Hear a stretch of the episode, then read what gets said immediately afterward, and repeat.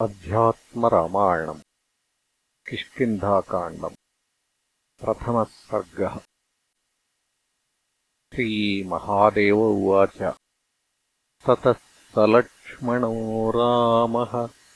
शनैः पम्पासरस्तटम्। आगत्य सरसाम् श्रेष्ठम्। दृष्ट्वा विस्मयमाययौ क्रोशमात्रम् सुविस्तीर्णमगाधामलशम्बरम्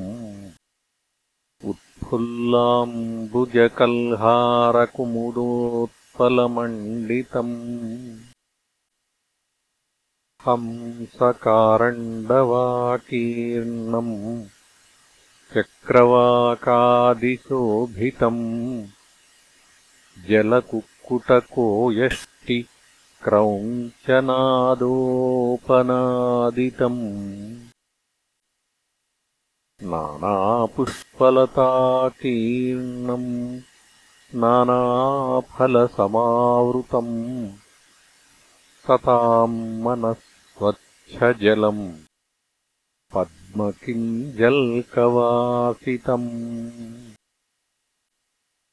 तत्रोपस्पृश्य सलिलम् पीत्वा श्रमहरम् विभुः तानुजः सरसस्तीरे शीतलेन पथाययौ। ऋष्यमूकगिरेः पार्श्वे गच्छन्तौ रामलक्ष्मणौ। धनुर्बाणकरौ दान्तौ जटावल्कलमण्डितौ पश्यन्तौ विविधान् वृक्षान् गिरे शोभाम् सुविक्रमौ। सुग्रीवस्तु गिरेर्मूर्ध्नि चतुर्भिः सह वानरैः स्थित्वा ददर्शतौ यान्तावारुरोह गिरे शिरः भयादाह हनूमन्तम् कौ तौ वीरवरौ सखौ गच्छ जानीहि भद्रन्ते वटुर्भूत्वा द्विजाकृतिः वालिना प्रेषितौ किम् वा? माम् हन्तुम् समुपागतौ। ताभ्याम् सम्भाषणम् कृत्वा जानीहि हृदयम् तयोः। यदि तौ दुष्टहृदयौ संज्ञाम् कुरु कराग्रतः। विनयावनतो भूत्वा एवम् जानीहि निश्चयम्। तथेति वटुरूपेण हनूमान् समुपागतः। विनयावनतो भूत्वा रामम् न स्वेदमब्रवीत् कौ युवाम् पुरुषौ व्याघ्रौ युवानौ वीरसम्मतौ द्योतयन्तौ दिशः सर्वाः प्रभया भास्कराविव। युवाम् त्रैलोक्यकर् ताराविति भाति मनो मम युवाम् प्रधानपुरुषौ जगद्धेतू जगन्मयौ।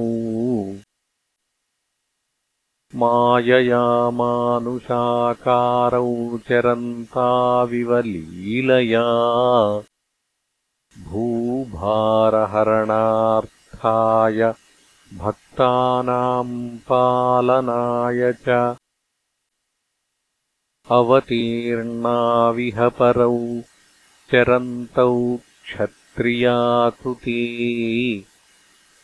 जगत्स्थितिलयौ सर्गम् लीलया कर्तुमुद्यतौ।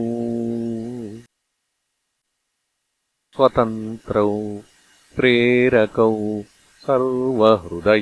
सर्वहृदयस्थाविहेश्वरौ नरनारायणौ लोके चरन्ताविति मे मतिः। श्रीरामो लक्ष्मणम् प्राह पश्यैनम् वटुरूपिणम्।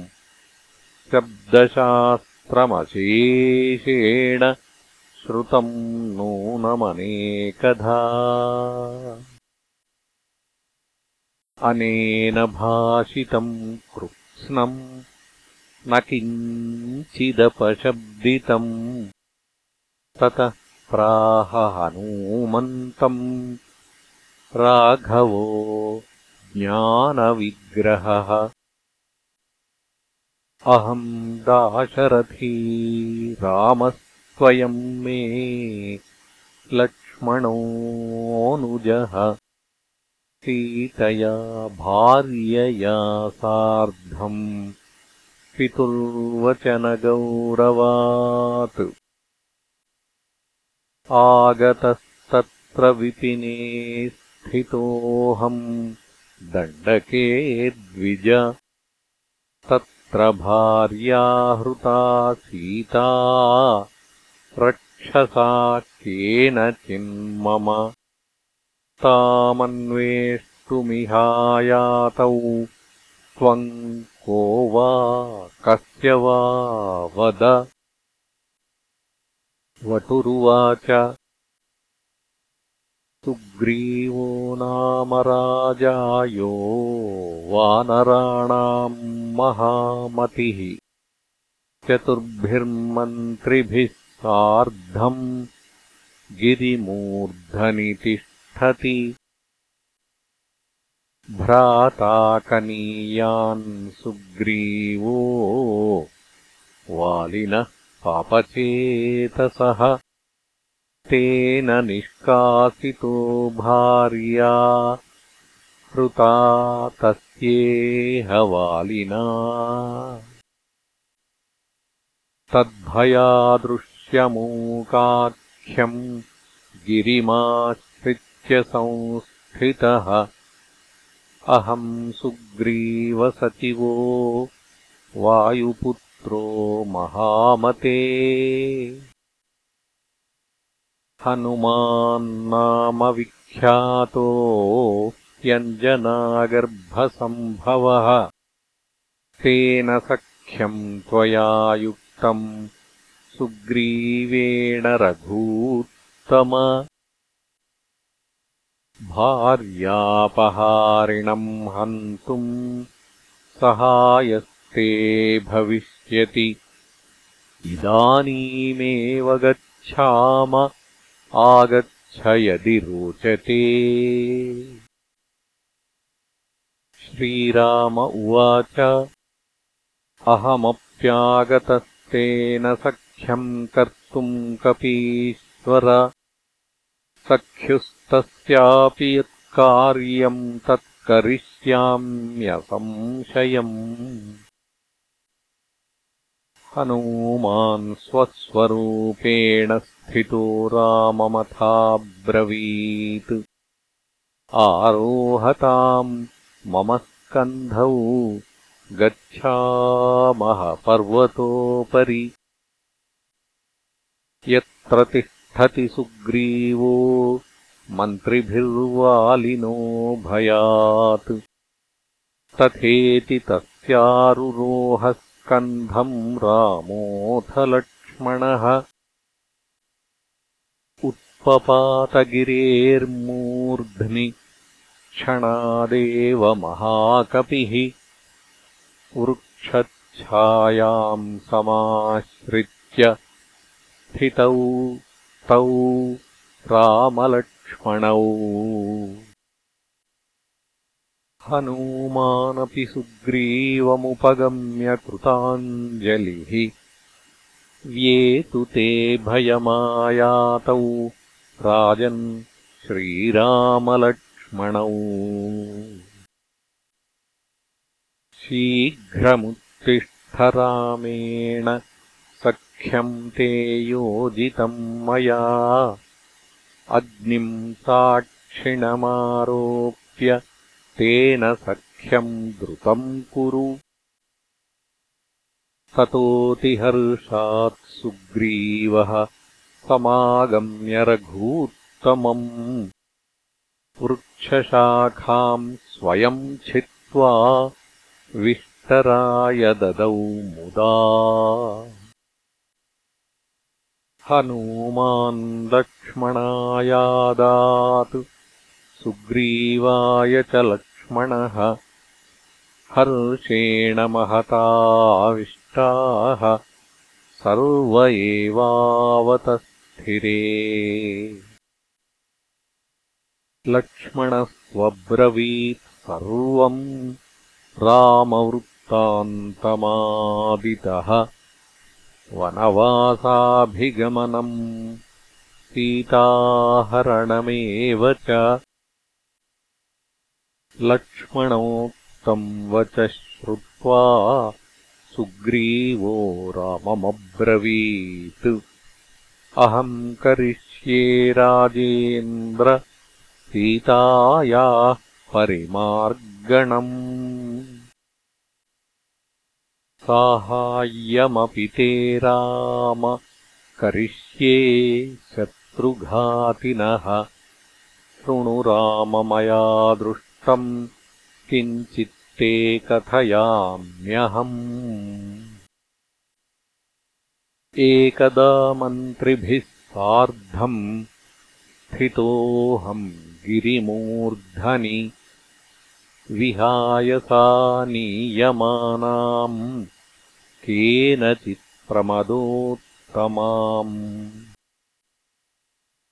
क्रोशन्तीम् राम रामेति दृष्ट्वास्मान् पर्वतोपरि आमुच्याभरणान्याशु स्वोत्तरीयेण भामिनी। निरीक्ष्याधः परित्यज्य क्रोशन्ती तेन रक्षसा। नीताहम् भूषणान्यासु गुहायामक्षिपम् प्रभो। इदानीमपि पश्य त्वम् जानीहि तव वा न वा। इत्युक्त्वानीयरामाय दर्शयामास वानरः विमुच्य रामस्तद्दृष्ट्वा हासीतेति मुहुर्मुहुः। हृदि निक्षिप्य तत्सर्वम् रुरोद प्राकृतो यथा। आश्वास्य राघवम् भ्राता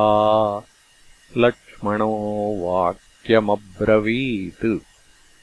अचिरेणैव ते राम प्राप्यते जानकी। शुभा। वानरेन्द्रसहायेन हत्वा रावणमाहवे। सुग्रीवोऽप्याह हे राम प्रतिज्ञाम् करवाणि ते। समरे रावणम् हत्वा तव दास्यामि जानकीम्। ततो हनूमान् प्रज्वाल्य तयोरग्निम् समीपतः तावुभौ रामसुग्रीवावग्नौ साक्षिणि तिष्ठति बाहू प्रसार्य चालिङ्ग्य परस्परमकल्मषौ। समीपे रघुनाथस्य सुग्रीवः समुपाविशत्। स्वोदन्तम् कथयामास प्रणयाद्रघुनायके। सखे शृणु ममोदन्तम् वालिना यत्कृतम् पुरा। मयपुत्रोऽथ मायावी नाम्ना परमदुर्मदः। किष्किन्धाम् समुपागत्य वालिनम् समुपाह्वयत्। सिंहनादेन महता वाली तु तदमर्षणः निर्ययौ क्रोधताम् राक्षो जघान दृढमुष्टिना। दुद्रावतेन संविघ्नो जगाम स्वगुहाम् प्रति अनुदुद्रावतम् वाली मायाविनमहम् तथा।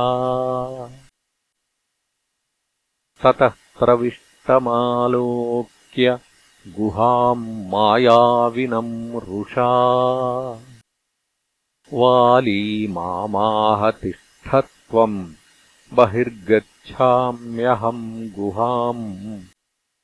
इत्युक्त्वाविश्य स गुहाम् मासमेकम् न निर्ययौ मासादूर्ध्वम् गुहाद्वारान्निर्गतम् रुधिरम् बहु। तद्दृष्ट्वा परितप्ताङ्गो मृतो वालीति दुःखितः। गुहाद्वारिशिलामेकाम् निधाय गृहमागतः ततोऽब्रवम् मृतो वाली। गुहायाम् रक्षसा हतः। तच्छ्रुत्वा दुःखिताः सर्वे मामनिच्छन्तमप्युत। राज्येऽभिषेचनम् चक्रुः सर्वे वानरमन्त्रिणः शिष्टम् तदा मया राज्यम् कञ्चित्कालमरिन्दम।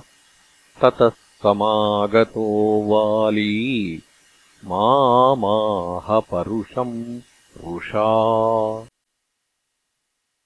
बहुधा भर्त्सयित्वा माम् निजघान च मुष्टिभिः ततो निर्गत्य नगरादधावम् परयाभिया। लोकान् सर्वान् परिक्रम्य ऋष्यमूकम् समाश्रितः। ऋषेः शापभयात् सोऽपि नायातीमम् गिरिम् प्रभो। तदादिमम भार्याम् स स्वयम् भुङ्क्ते विमूढधीः। अतो दुःखेन सन्तप्तो हृतदारो हृताश्रयः। वसाम्यद्य भवत्पादसंस्पर्शात् सुखितोऽस्म्यहम्। मित्रदुःखेन सन्तप् रामो राजीवलोचनः हनिष्यामि तव द्वेष्यम् शीघ्रम् भार्यापहारिणम् इति प्रतिज्ञामकरोत् सुग्रीवस्य पुरस्तदा। सुग्रीवोऽप्याह राजेन्द्रवाली बलवताम् बली कथम् हनिष्यति भवान् देवैरपि दुरासदम्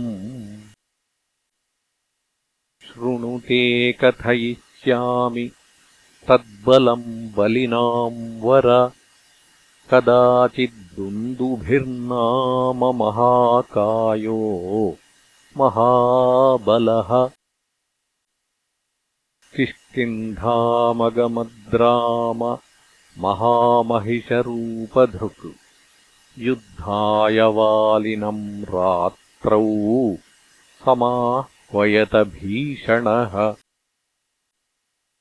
तच्छ्रुत्वा सहमानोऽसौ वाली परमकोपनः।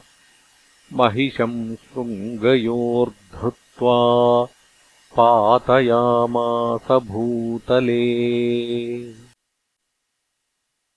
पादेनैकेन तत्कायमाक्रम्यास्य शिरो महत्। हस्ताभ्याम् भ्रामयम् छित्त्वा तोलयित्वाक्षिपद्भुवि पपाततच्छिरो राममातङ्गाश्रमसन्निधौ योजनात् पतितम् तस्मान्मुनेराश्रममण्डले रक्तवृष्टिः पपातोच्चैर्दृष्ट्वा ताम् क्रोधमूर्च्छितः। मतङ्गो वालिनम् प्राह। यद्यागन्तासि मे गिरिम् इतः परम् भग्नशिरा मरिष्यसि न संशयः। एवम् सप्तस्तदारभ्य ऋष्यमूकम् न यात्यसौ एतद् ज्ञात्वाहमप्यत्र वसामि भयवर्जितः। रामपश्य शिरस्तस्य दुन्दुभेः पर्वतोपमम्। तत्क्षेपणे यदा शक्तिः शक्तस्त्वम् वालिनो वधे इत्युक्त्वा दर्शयामास शिरस्तद्गिरिसन्निभम्। दृष्ट्वा रामः स्मितम् कृत्वा पादाङ्गुष्ठेन चाक्षिपत् दशयोजनपर्यन्तम् तदद्भुतमिवाभवत्। साधुसाध्विति तम् प्राह सुग्रीवो मन्त्रिभिः सह पुनरप्याह सुग्रीवो रामम् भक्तपरायणम् एते ताला महासाराः सप्त पश्य रघूत्तम एकैकम् चालयित्वासौ निष्पत्रान् कुरुतेऽञ्जसा यदि त्वमेकबाणेन विद्ध्वा छिद्रम् करोषि चेत् हतस्त्वया तदा वाली विश्वासो मे प्रजायते। तथेति धनुरादाय सायकम् तत्र सन्दधे। बिभेद च तदा रामः सप्ततालान्महाबलः तालान् सप्तविनिर्भिद्य गिरिम् भूमिम् च सायकः। पुनरागत्य रामस्य तूणीरे पूर्ववत्स्थितः ततोऽतिहर्षात् सुग्रीवो राममहातिविस्मितः। देवत्वम् जगताम् नाथः परमात्मा न संशयः मत्पूर्वकृतपुण्यौघैः सङ्गतोऽद्यमया सह। त्वाम् भजन्ति महात्मानः संसारविनिवृत्तये। त्वाम् प्राप्यमोक्षसचिवम् प्रार्थयेऽहम् कथम् भवम् दाराः पुत्रा धनम् राज्यम् सर्वम् त्वन्मायया कृतम्। अतोऽहम् देवदेवेश नाकाङ्क्षेऽन्यत्प्रसीद मे। आनन्दानुभवन् त्वाद्यप्राप्तोऽहम् भाग्यगौरवात्। मृदर्थम् यतमानेन निधानमिव सर्पते अनाद्यविद्यासंसिद्धम् बन्धनम् छिन्नमद्य नः यज्ञदानतपः कर्म पूर्तेष्टादिभिरप्यसौ न जीर्यते पुनर्दार्ढ्यम्। भजते संसृतिः प्रभो। त्वत्पाददर्शनात् सद्यो नाशमेति न संशयः। क्षणार्धमपि यच्चित्तम् त्वयि तिष्ठत्यचञ्चलम् तस्याज्ञानमनर्थानाम् मूलम् नश्यति तत्क्षणात्।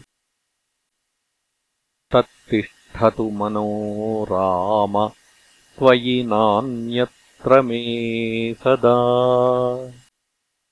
राम रामीति यद्वाणी मधुरम् गायति क्षणम् स ब्रह्मः सुरापो वा मुच्यते सर्वपातकैः। न काङ्क्षे विजयम् राम न च दारसुखादिकम्। भक्तिमेव सदा काङ्क्षे त्वयि बन्धविमोचनीम् त्वन्मायाकृतसंसारस्त्वदंशोऽहम् रघूत्तम। स्वपादभक्तिमादिश्य त्राहि माम् भवसङ्कटात्। पूर्वम् मित्रार्युदासीनास्त्वन्मायावृतचेतसः। आसन्मेद्य भवत्पाददर्शनादेव राघव सर्वम् ब्रह्मैव मे भाति क्व मित्रम् क्व च मे रिपुः। यावत् त्वन्मायया बद्धस्तावद्गुणविशेषता। सा यावदस्ति नानात्वम् तावद्भवति नान्यथा। यावन्नानात्वमज्ञानात् तावत् कालकृतम् भयम्। अतो विद्यामुपास्ते यः सोऽन्धेतमसि मज्जति। मायामूलमिदम् सर्वम् पुत्रदारादिबन्धनम् तदुत्सादयमायाम् त्वम् दासीम् तव रघूत्तम। त्वत्पादपद्मार्पितचित्तवृत्तिः त्वन्नामसङ्गीतकथासु वाणी। त्वद्भक्तिसेवानिरतौ करौ मे। त्वदङ्गसङ्गम् लभताम् मदङ्गम् त्वन्मूर्तिभक्तान् स्वगुरुम् च चक्षुः पश्यत्वजस्रम् स शृणोतु कर्णः त्वज्जन्मकर्माणि च पादयुग्मम् व्रजत्वजस्रम् तव मन्दिराणि अङ्गानि ते पादरजो विमिश्रतीर्थानि बिभ्रत्व हि शत्रुकेतो शिरस्त्वदीयम् भवपद्मजाद्यैर्जुष्टम् पदम् राम नमत्वजस्रम् इति श्रीमदध्यात्मरामायणे उमामहेश्वरसंवादे किष्किन्धाकाण्डे प्रथमः सर्गः